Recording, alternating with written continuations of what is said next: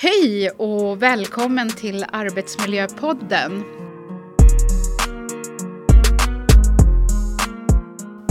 Hörni, ett harmoniskt lag är ju en sann styrka, men vad betyder det i praktiken? I dagens avsnitt har jag bjudit in en gäst som har gjort mångfald till sitt signum och hon ska få presentera sig själv om en liten stund och det arbete som hon bedriver med sitt team.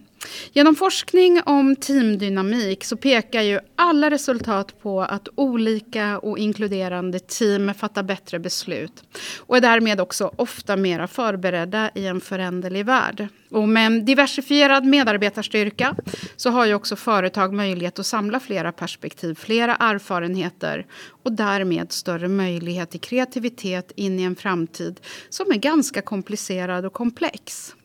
Med tanke på hur vår omvärld ser ut blir ordet mångfald och hållbarhet två starka uttryck för vad som måste finnas på en arbetsplats. I Sverige har vi ju en diskrimineringslag och den här lagen är ju till och med sprungen ur FNs förklaring om de mänskliga rättigheterna från 1948 och som också borde vara en självklarhet som med en fas många gånger har glömts bort.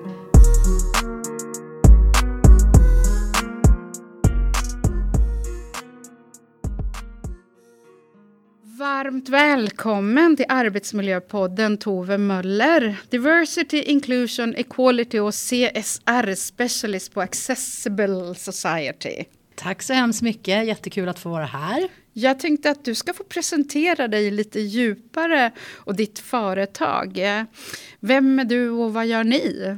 Ja, Tove Möller heter jag som sagt och jag har jobbat i eh, ja, drygt 25 år med inkluderingsfrågor på olika företag.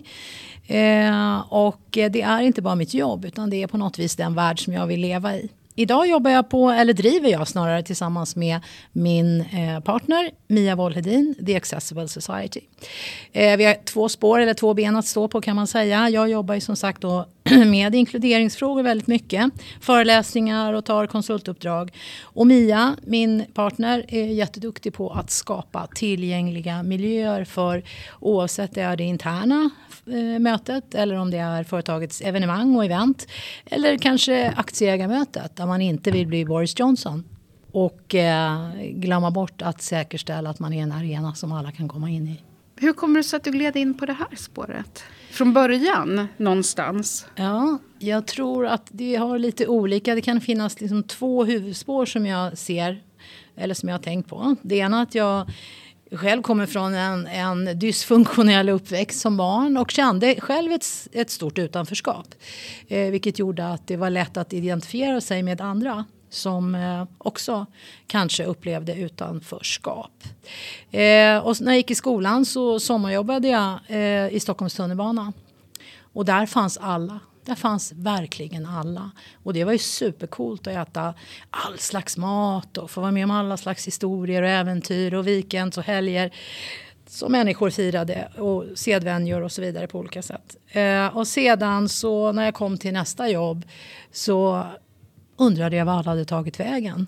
För vid nästa arbetsplats så tyckte jag att alla såg likadana ut. Mm. Och det, är ju, det måste ju ha blivit en ganska stor... Eh, alltså, man utgår ju från den erfarenhet man får i första början. Ja, exakt. Det var en överraskning att, att det såg ut nästan som att alla hade gått i samma, samma klass som fanns mm. i den där. Och, och jag vet att jag tänkte, men gud, hur ska jag någonsin kunna skilja de här människorna från varandra och komma ihåg vem som är vem? Mm. Intressant. Mm.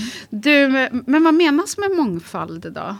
Jag tror att det är olika saker. Många tänker kanske spontant på eh, var man är född och, och, och, det som syns utanpå. Men det är ju så mycket mer. Det är våra samlade erfarenheter. Det är var vi kommer ifrån.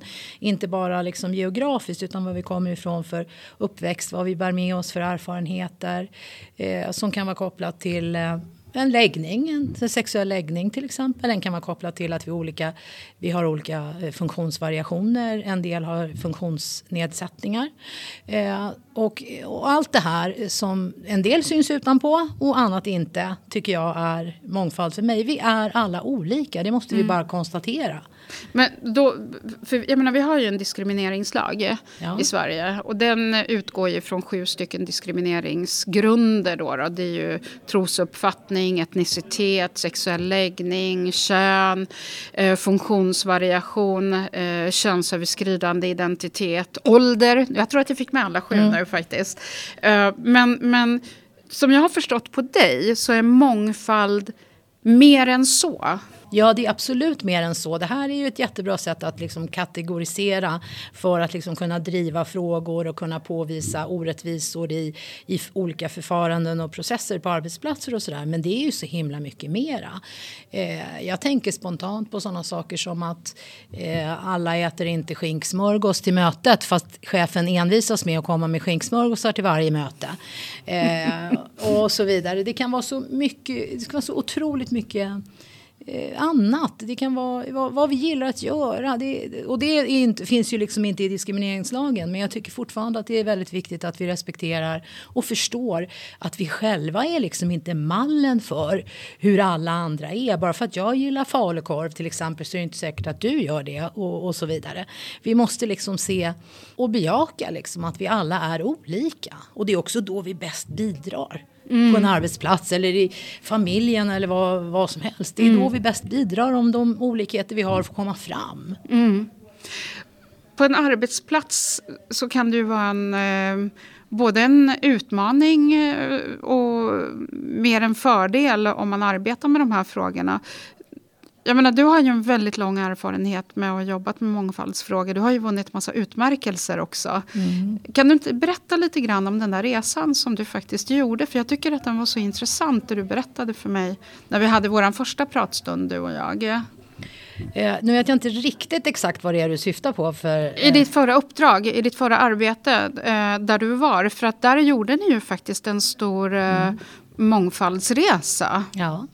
Nej, men alltså jag tror så här att de flesta företag har att vinna på. Idag är det många som är duktiga och jobbar med de här frågorna. Men det är fortfarande, jag får ju förfrågningar var dag från företag som säger vi, vi har inte börjat ännu, vi vet inte vad vi ska göra, men vi vet att vi vill.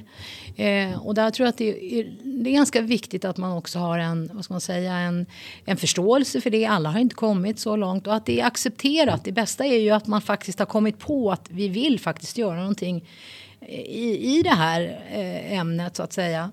Och att inte göra det så, så, så hårt utan liksom börja med lågt hängande frukter. De flesta som jag eh, har erfarenhet av de har ju börjat med att titta till exempel på sina rekryteringsannonser. Och de är ju bedrövliga i vissa sammanhang. Medan andra är ju jättebra. Jag ser till exempel idag att vissa företag och eh, organisationer de anger tydligt i sin eh, rekryteringsannons att vi vill inte att du talar om hur gammal du är. Vi vill inte att du skickar med ett foto och vi vill inte heller ha ditt personliga brev. Alltså inte så här slarvigt som jag uttrycker mig nu. Men det är ju ändå så att det spelar ingen roll hur duktig du är som rekryterare. Det är jättelätt att fastna vid, men titta här är en som har en hund som är samma ras som jag. Det måste ju vara en jättebra person. Omedvetet så, så gillar man eller ogillar man en en person. Utan att man kanske, det finns ju medvetet att man också har fördomar men det finns ju också de omedvetna. Tänk vad bra det skulle vara om vi inte sorterade bort kompetens som ofta då är knippat med eh, förknippat, äh, kompetens och erfarenhet ska säga, som ofta är förknippat med ålder. Mm. För ålder är ju, om inte det har ändrat sig under pandemi och allt elände som vi lever igenom nu, fortfarande den största eh, orsaken till diskriminering. I Sverige är det ju I det. Sverige, ja. ja definitivt. Ja. Mm. Så, eh, och eh, en liten kuriositet. Jag har ju en ex-svärmor. Och hon står ju på barrikaderna där hon verkligen försöker eh, jobba med just mångfaldsfrågan.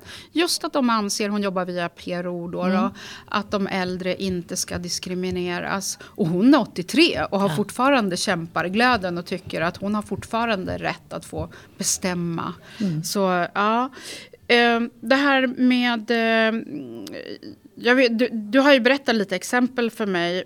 Men jag, tänkte, jag tyckte det var lite roligt det du, det du berättade för mig också. Att det kan bli lite dråpligt när, när företag exempelvis skickar ut frågeställningar kring har du några allergier? Förutom att vi måste ta hänsyn till GDPR. Ja, precis. så, så blev det ju väldigt rolig historia måste jag säga. Skulle du vilja dela med dig Ja, den? absolut. Och den är ju lite rolig och ibland behöver vi skratta lite också åt de här frågorna. Men eh, det, den är några år gammal den här. Men det var en kollega till mig där jag arbetade då som sa att eh, hon hade fått ett mejl ifrån eh, assistenten på den avdelningen hon jobbade som skulle arrangera någon konferens eller vilket det nu var. Och då hade den här personen skrivit att ange här dina allergier. Och då tyckte den här personen, vad fan det är ju jättekonstigt, allergier är ju lite grann nära liksom, funktionsnedsättning. Och det är inte säkert att man vill visa upp sitt privata jag i, alltså, utanför, eller på arbetsplatsen snarare. Så hon kom till mig och sa, jag vet inte hur jag ska svara på det här. Du brukar vara klok när det gäller sådana här saker. Då sa jag, alltså kan du, är du säker på att du kan skoja med den här personen så skulle jag vilja ge dig ett förslag. Ja, jo, men det här är en bra kompis. Jag kan skoja, men jag vill i alla fall inte att hon vet vad jag har för sjukdomar. Nej, men skriv då att eh, här där jag ska ange mina eh, allergier så, så vill jag berätta. Jag är allergisk mot nickel, penicillin och glidmedel på vissa kondomer. Och så skickar du det. Och det gjorde hon. Och det tog ju bara en röd sekund så var det ju ett mejl tillbaka där det stod varför berättar du allt det här? Ja men du frågade ju. Och kontentan där skulle kunna vara att ibland så kommer vi för nära. Vi frågar saker som inte alls har med, eh, ja, som har med det privata att göra snarare. Och eh, i det här fallet så hade det ju räckt med att kanske säga är det någonting du inte äter? För vi förstod ju allihopa att det var det det handlade om. Eh, men det är inte alla som kanske har lika mycket skinn på näsan som den här kvinnan hade. Utan de kanske sitter och anger sina olika typer av sjukdomar eller besvär och sådär. Utan att egentligen vilja göra det. Och det finns ju mycket annat där också. Att, jag tänker när det är sådana konferenser. Det står ofta liksom att vi ska ha spa-kväll. Det är ju jättemånga som inte vill liksom visa sig halvnaken höll jag på att säga med sina kollegor. Det kan ju bero på allt ifrån att det inte känns bra till sedvänjor till eh, att man upplever sig överviktig eller att man kanske har gjort olika typer av operationer och sådana saker. Så jag skulle säga till ledare att bara för att du tycker att det är skitkul med spa så kanske inte alla gör det. Så använd dig inte själv som en mall kring vad alla andra ska göra. Utan just i det här fallet då med aktivitet. Eh, ja, men, föreslå två aktiviteter. Mm. En som inte innebär att du behöver klä av dig så att säga inför dina kollegor. Ja. För alla är inte bekväma med det. När du går in och jobbar med företag, vad är det första som ni tittar på? Vad är det första ni går igenom? Det beror eh, helt och hållet på vad det här företaget vill. Det kan vara allt ifrån att vi ser på hur eh, demografin i företaget ser ut. Eh, många säger att ja, nej, men vi, vi är nog ungefär jämställda ur genusperspektivet. Ja, hur, hur vet ni det? Och så vidare. Eh, det finns ju olika sätt att mäta representation. Alltså både, genus är väl kanske det enklaste för det kan man ju liksom ta fram ur ehm, sin personal, eh, sina personalsiffror.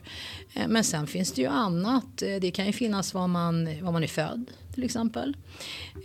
Och i många företag där jag, som jag har jobbat med där visar det sig att ehm, trots, eller om vi säger så här representationen från personer födda utanför Europa eh, är ofta ganska liten. Men det som är roligt är att se, eller roligt, det som är lite bisarrt då, det är ju att ofta så kan man se att utbildningsgraden hos de personerna ofta är mycket högre. Eh, men ändå är de här personerna ofta på golvet medarbetare och inte representerade i chefsleden. Trots att det då kan vara så att allting är inte formell utbildning. För det jag tycker soft skills och andra saker är också jätteviktiga. Men det är ändå en paradox att de här personerna ofta har en väldigt hög utbildningsgrad men de har de lägre befattningarna. Så det är den typen av saker man kan ta reda på genom att till exempel eh, vända sig till eh, Statistiska centralbyrån som kan ta fram alla de här uppgifterna. För jag tror man måste mäta i företagen. Om man mm. inte mäter så vet man ju inte vad det är man gör. Så. Så jag skulle säga börja gärna med att mäta och se hur det verkligen ser ut. Och inte då som en del som jag också har stött på. Nu låter det som att alla företag är tossiga där ute och det är de verkligen inte. Men börja inte räkna utländska efternamn. För det säger ju egentligen ingenting. Själv har jag danskt efternamn fast jag eh, är uppväxt i Sverige så att säga. Född och uppväxt i Sverige. Så att börja inte räkna sådana där saker utan titta via eh, Statistiska centralbyrån. Där får du fram en massa information. Vad tycker du är den största utmaningen eh, kopplat till mångfald och hållbarhet på våra arbetsplatser? Eh, jag skulle säga att för många företag är det lite av en bisyssla, någonting som man gör när det finns tid. Och det är också de kanske som misslyckas då eller inte kommer fram lika bra som andra. Ofta är det kopplat till en ganska låg budget och det är så att mycket är gratis eftersom mycket handlar ju om en inställningsfråga och en kunskapsfråga. Men det behövs också göras åtgärder så att bara för att det är det här som många då upplever som de mjuka frågorna så innebär det inte att man helt kostnadsfritt kan, kan driva igenom ett bra inkluderingsarbete. Så att budget skulle jag säga är ofta ett problem. Det är vad jag hör i alla fall. Det är nummer ett då. Mm. Så, för det här är ju ändå ett strategiskt dokument som man plockar fram i en ledningsgrupp. För det är ju ledningsgruppen som ska jobba med de här frågorna och sen ta ner det i, i företagen. Vad är det som gör att, man, att många företag inte ser det som, som liksom ett strategidokument? Att det, är en, eh, att det är en förutsättning för framtida hållbarhet på våra arbetsplatser? Mm. Ja, men det jag ser, precis som du säger, det är ju de företag som tar det här på allvar, där ledningen, där det finns i, i, i de strategiska dokumenten att det är så här man ska jobba och där också ledningen har utbildats och är kunniga i de här frågorna. Det är ju de företagen som har den absolut största möjligheten att lyckas. Inte de företag så mycket där det kanske sitter några stycken på HR-avdelningen och ska försöka liksom kämpa igenom allt det här. HR ska självklart vara med, det är inte alls det jag säger. Men ledningen måste vara de som har beslutat det här och lever det här. Men sen måste ju också hela företaget leva det här. Alla måste förstå. Kommunikationsavdelningen måste kommunicera på ett sätt som är eh, normkritiskt. Marknadsavdelningen måste tänka på liksom vilka bilder de förmedlar till kunder. Eh, sponsoransvariga måste tänka på vilka man sponsrar. Det är ju jättelätt att säga liksom att ja men vi är jämställda, vi, vi eh, vi sponsrar XYZ eh, hockeyklubben till exempel för tjejer också. Och sen när man går in och tittar så ser man att fast tjejträningstiderna ligger på måndagar klockan 21. Alltså, så att det är så otroligt många yrkesgrupper som behöver vara medvetna om det här. Men ledningen är ansvarig. Alla chefer, de ska implementera det här. Och medarbetarna ska ju såklart utbildas och också vara med på det här. De är ju en jätteviktig del i det här. Jag menar, det har ju inte saknats eh, exempel under de senaste åren. Det började väl egentligen med metoo. Där blev det så enormt tydligt att eh, det som vi säger kanske inte alltid är det som gäller. Nej. Vi kanske inte är så jämställda och jämlika och vad ska man säga, hyggliga mot varandra. Nej. Och inkluderande framför allt. Och jag tänker den största utmaningen, vi har ju pratat lite utmaningar här. Eh, kan det också vara att få de här dokumenten som man tar fram, lika behandlingsplaner med mera, olika policies. Hur får man dem att bli levande på företaget? Mm. Alltså det, det är ju det är ganska svårt men jag tror att en nyckel är ju att Eh, de ska vara väl kända av alla som jobbar i det företaget. Eh, och de ska kunna ses, tillämpas också. För jag, jag, tänker på det som vi tidigare har pratat om, du och jag i ett annat sammanhang, just vad gäller metoo. Det är ju väldigt lätt för ett företag att säga liksom, ja, men vi tillämpar nolltolerans.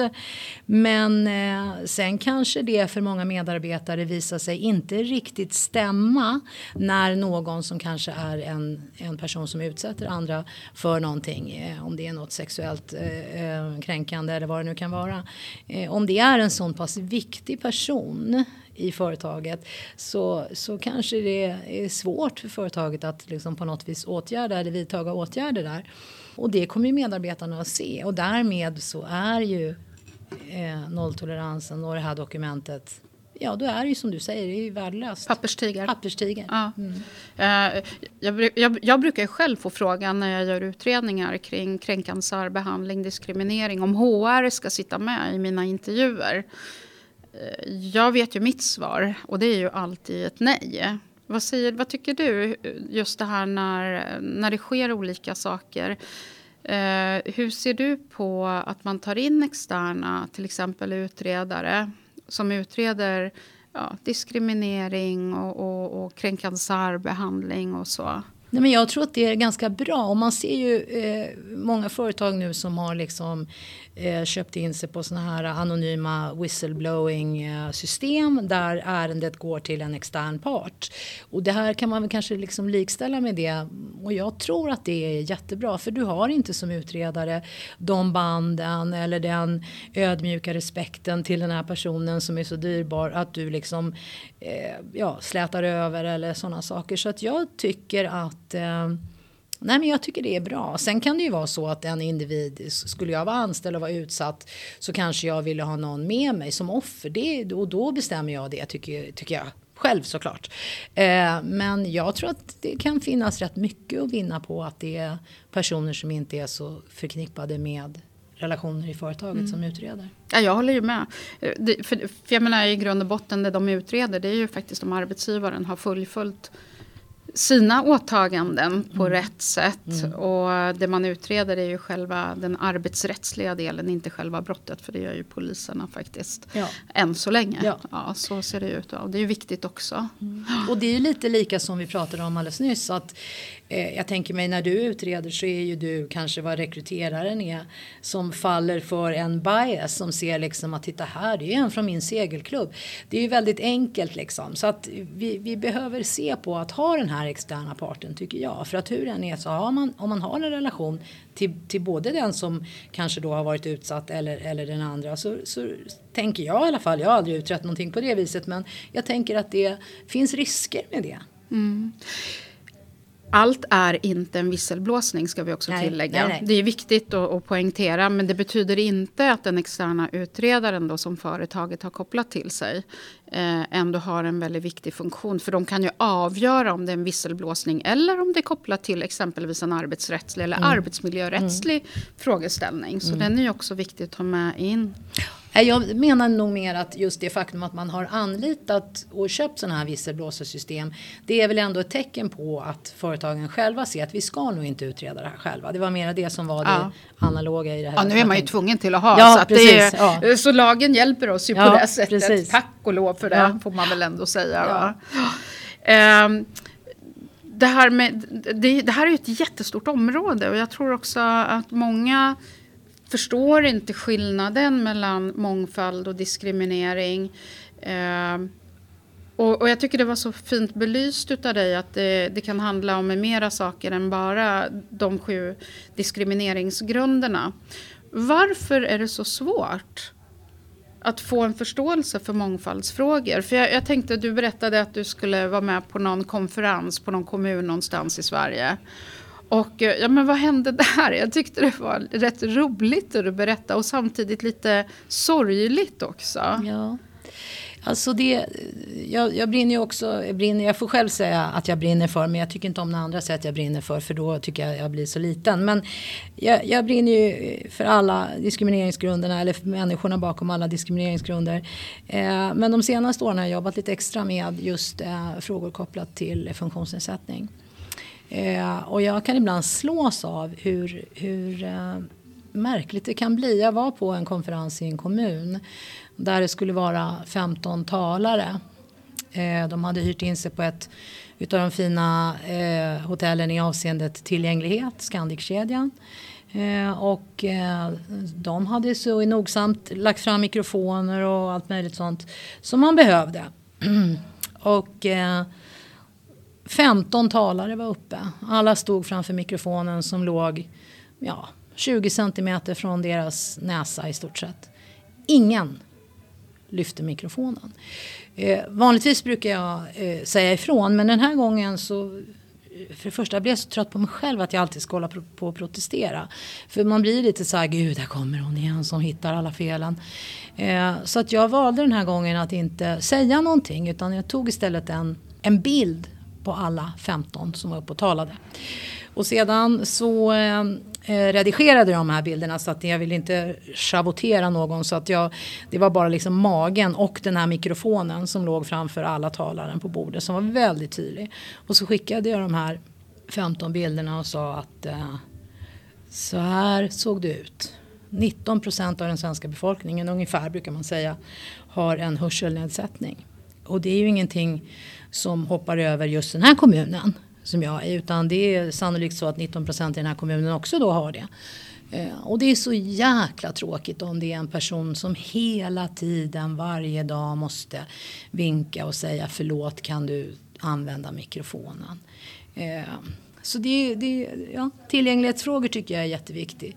Eh, och det har vi sett under pandemin också. Jag har ju vänner som har bytt eh, företag som de brukar handla ifrån om det är kläder eller vad det kan vara.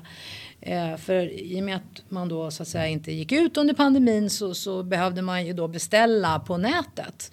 Och då har ju flera av stamkunderna i de här företagen som kanske har ett behov kopplat till syn eller sådana saker upptäckt att deras webbsidor är inte ens tillgängliga. De kan inte beställa där. Så de har ju kanske då bytt företag. Mm. Och då mm. tänker jag, risken är ju att de stannar i det här företaget. Eller möjligheten för det företaget som faktiskt hade tänkt tanken. Eh, och det är ju en förlorad kund. Definitivt. Om du skulle få ge företag eller organisationer fem tips. Hur ska de påbörja sitt mångfaldsarbete? Ja. Budget sa du ju tidigare. Budget ja, jätteviktigt. Det är inte gratis trots att det liksom är en slags mjuk humanitär fråga utan man behöver pengar och budget. Eh, sen skulle jag säga, och det är inte någon speciell ordning här, jag skulle säga men titta på era rekryteringsannonser.